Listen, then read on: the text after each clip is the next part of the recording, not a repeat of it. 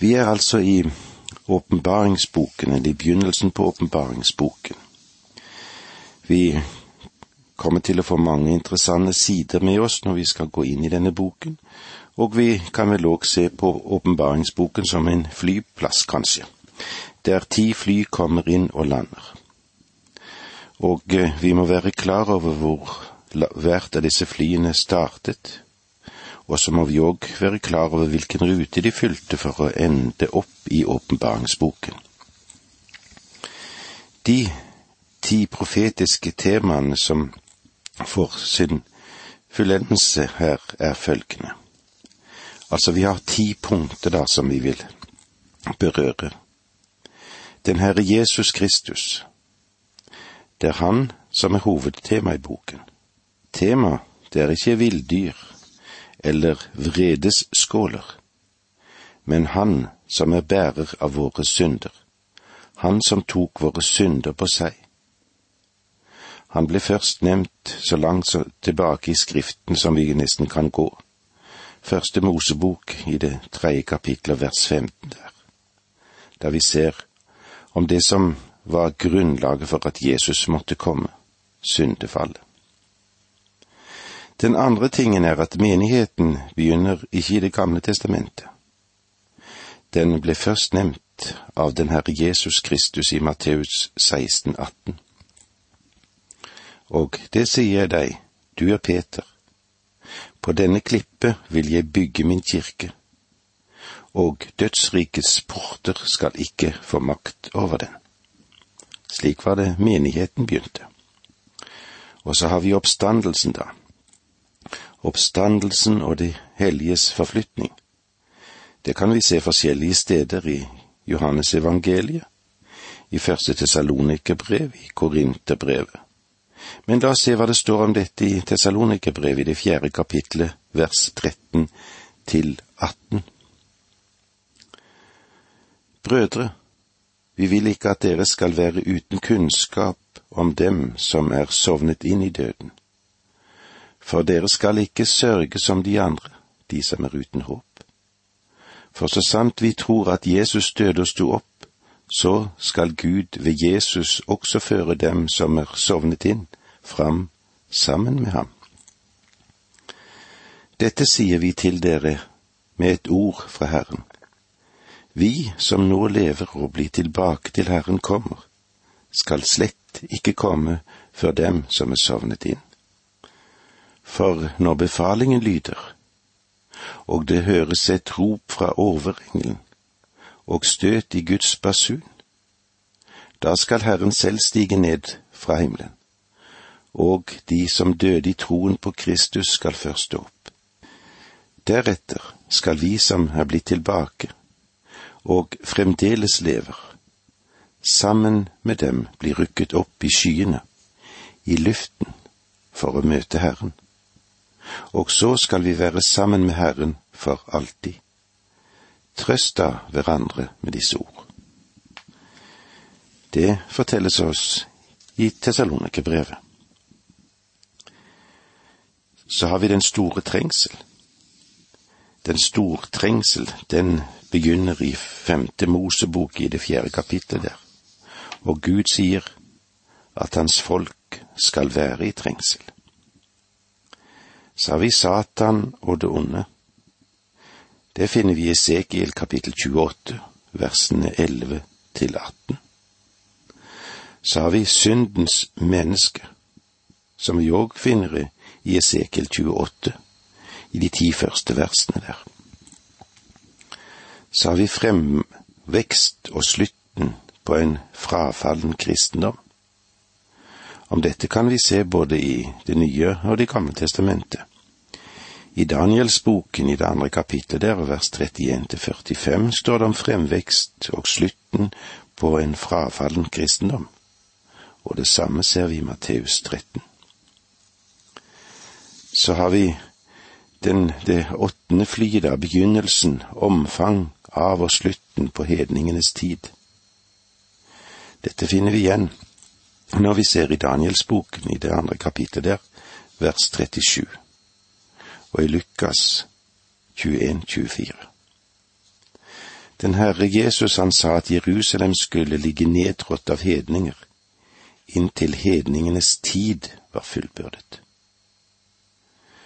Kristi annen komme, det vil ifølge Juda 14 og 15, som Enok talte om, og som fører oss tilbake til den tiden som vi òg har i første Mosebok. Og så har vi det tiende punktet, da, Israels paktforhold, som begynner med pakten.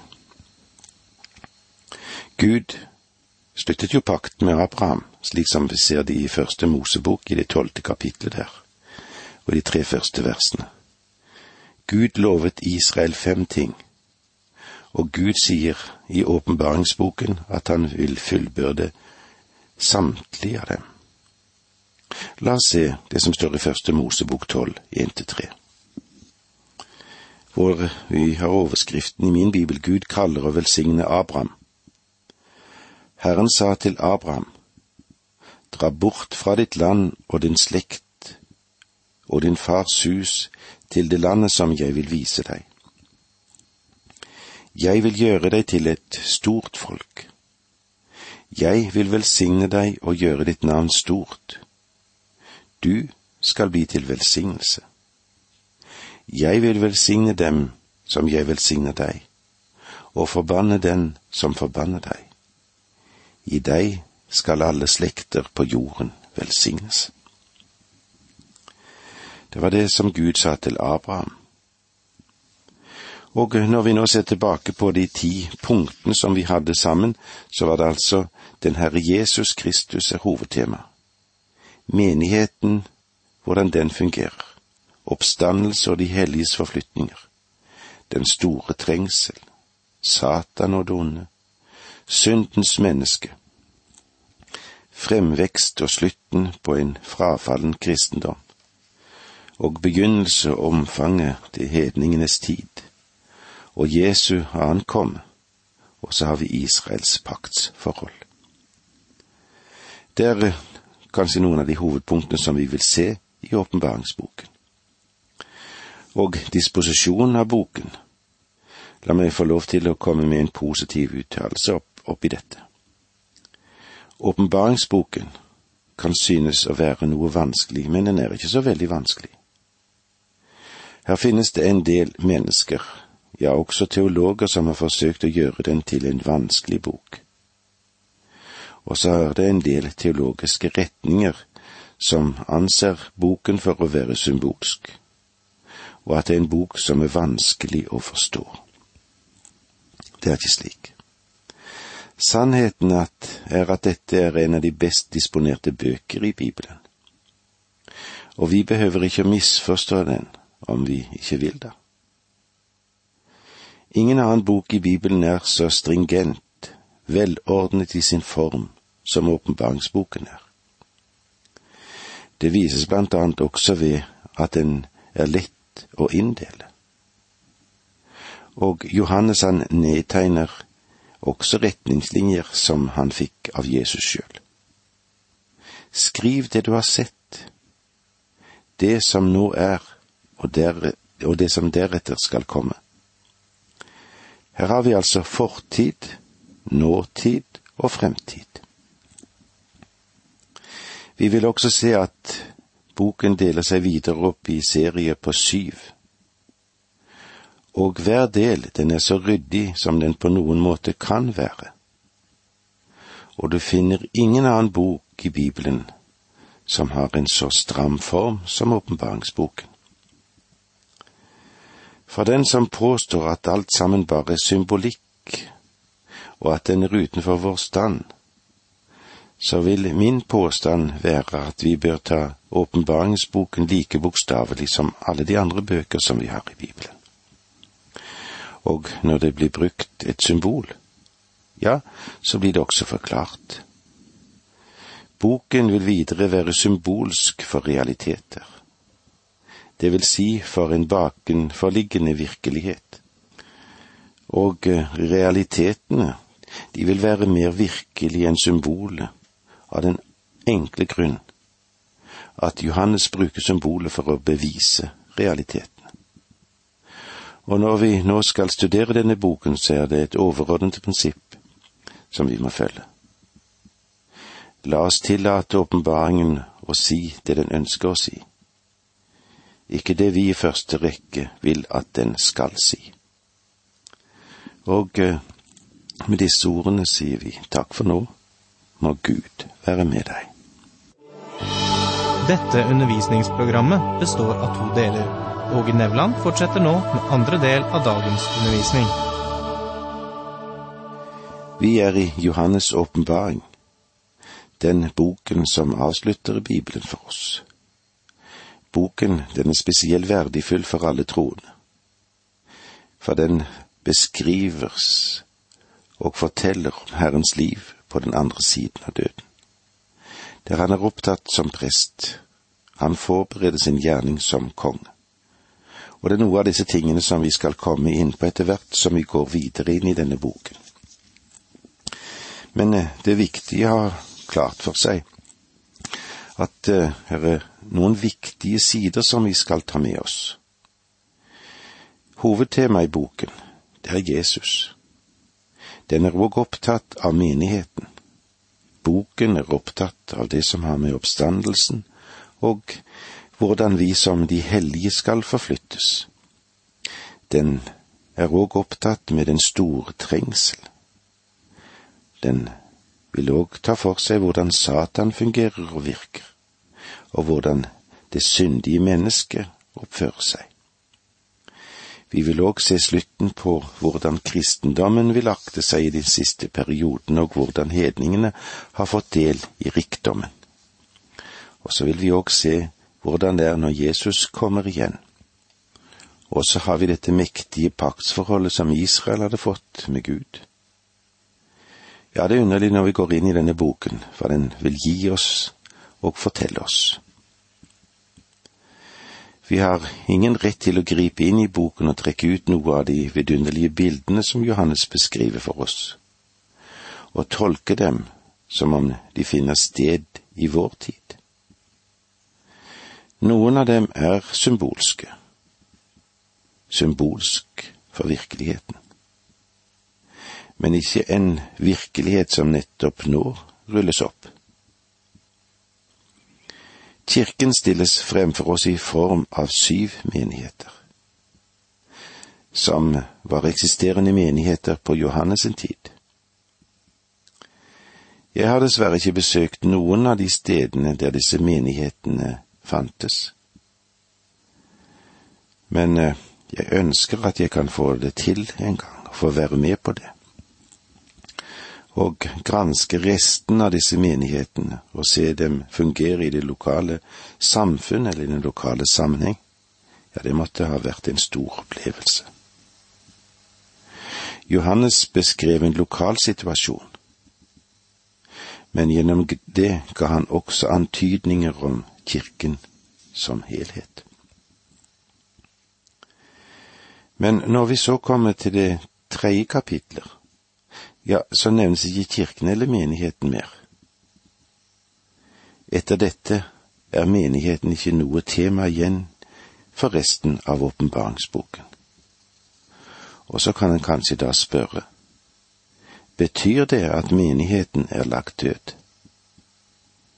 Nei, ikke nettopp det, men den forlater jorden og løftes opp til himmelen. Der hvor Jesus er, og den løftes opp for å være Kristi brud. Og når vi møter henne i den siste del av åpenbaringen, så er ikke hun igjen i menigheten, men bruden. Fra starten i kapittel fire så ligger alt det etterfølgende som er avgjort i fremtiden, sett ut ifra vårt synspunkt eller utsiktspunkt. Så hvis noen griper inn og drar ut en åpenbaring, et syn om hungersnød eller krig eller noe lignende, så passer jo ikke det inn helt i dagens bilde. Vi må få lov til å la Johannes fortelle tingene i den sammenheng som de er i. Og slik bør vi også la hele Bibelen tale til oss. La den få lov til å si det den ønsker å si. Og det at det er mulig å fremsette ville og forskrudde påstander på mange punkter i denne boken, ja, det er grunnen til at jeg går inn i den med atskillig frykt og beven. Og så er det interessant å legge merke til at spørsmålene om profetiene er lagt særlig vekt på i vårt århundre. De store læresetninger i kirken har blitt utviklet gjennom visse historiske perioder. Først dreier det seg om Skriften som Guds ord.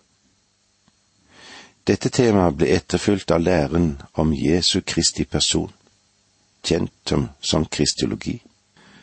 Og deretter så kom læren om soteriologien, det vil si frelseslæren, en lang utviklingsepoke. Og slik har det vært opp igjennom i seklene. Og nå lever du og jeg i en tid der spørsmålet om profetien er et sentralt tema. Og det vi trenger, det er å utvise forsiktighet, både ved tolkninger vi selv foretar, og hva og hvem vi lytter til. I det tyvende århundret har vi vært vitne til en fornyet interesse for eschatologien, altså læren om de siste ting, det som vi kaller for profetiene og spesielt etter første verdenskrig har det vært store debatter på dette feltet. Nytt lys har falt over de enkelte faser og utviklingsstadier i Skriften. All oppmerksomhet er blitt fokusert omkring dype studier av åpenbaringsboken. I min gjennomgang av denne boken har jeg forsøkt å unngå den grøften å skulle presentere noe nytt noe spesielt som skal fremstå som annerledes. Jeg har også forsøkt å unngå å bare gjengi klisjeer. En annen fare vi også må forsøke å unngå, det er å tro at åpenbaringsboken kan sette opp som grafiske linjer. Selv om jeg personlig har prøvd å illustrere åpenbaringens innhold med noen streker, når jeg har forsøkt å formidle noe om dette, så er dette langt fra tilfredsstillende. Og grunnen er at hvis vi skulle ta med alt på et slikt oppsett, ja, så ville det bli for komplisert. Vi ville ikke forstå det, og vi ville heller ikke ha noen glede av det. Men på den annen side, hvis det er for kort eller forenklet, ja, så kan det virke misvisende. Men jeg håper at vi skal kunne føre et tilfredsstillende løp gjennom dette, at vi vil ha klare linjer der vi begynner med Kristi kors og Hans himmelfart. I åpenbaringsboken, i det første kapitlet, ser vi den herliggjorte Kristus. I kapittel to og tre møter vi Kirken. I kapittel fire og fem ser vi at menigheten er i himmelen. Og på jorden ser vi at den store trengsel finner sted i kapitlene seks til atten. Og i det nittende kapitlet, der ser vi at Kristus vender tilbake til jorden og oppretter sitt rike. Og i kapittel 20 ser vi Kristi tusenårige herrevelde. Og deretter ser vi den store, hvite tronen. Den settes opp. Stedet der de fortapte blir dømt. Og i kapittel 21 og 22 begynner evigheten. Dette er åpenbaringsboken i et nøtteskall. Den tyske teologen Stauffer har følgende viktig observasjon, og han sier da følgende. Domitian han var den første keiser som hadde et klart felttog mot Kristian. Og eh, kirken, den svarte på dette angrepet under den siste av Kristi apostler, altså om han som skrev åpenbaringsboken. Nero drepte Paulus og Peter, men han så på dem som frafalne jøder. Domitian var den første hersker som forsto at bak den kristne bevegelse så sto det en veldig skikkelse som truet keiserens makt og herlighet. Han var den første som erklærte krig mot denne skikkelsen, og den første som også tapte denne krigen. Det er en forsmak på det som skulle komme. Så har vi temaet da for åpenbaringsboken. Det er veldig viktig at vi ser hva som er hovedtemaet i denne boken. La meg igjen få lov til å understreke dette ved å henvise til åpenbaringsboken 1.1. Dette er Jesu Kristi åpenbaring, som Gud ga ham for at han skulle vise sine tjenere det som snart skal skje. La oss ha det helt klart for oss at denne boken er en åpenbaring av Jesus Kristus. I evangeliene så møter vi ham da han vandret her på jorden i menneskeskikkelse. Men det gir ikke en fullstendig åpenbaring av Jesus Kristus. Der møter du ham i ydmykhet. Her i åpenbaringsboken ser du ham i herlighet. Du ser ham som den som har kommando overalt. Han har kommando over alt som finner sted. Han har sannelig all makt. Dette er Jesu Kristus som lar fremtidens slør dras litt til side. Og eh, med disse ordene må vi si takk for nå, må Gud være med deg.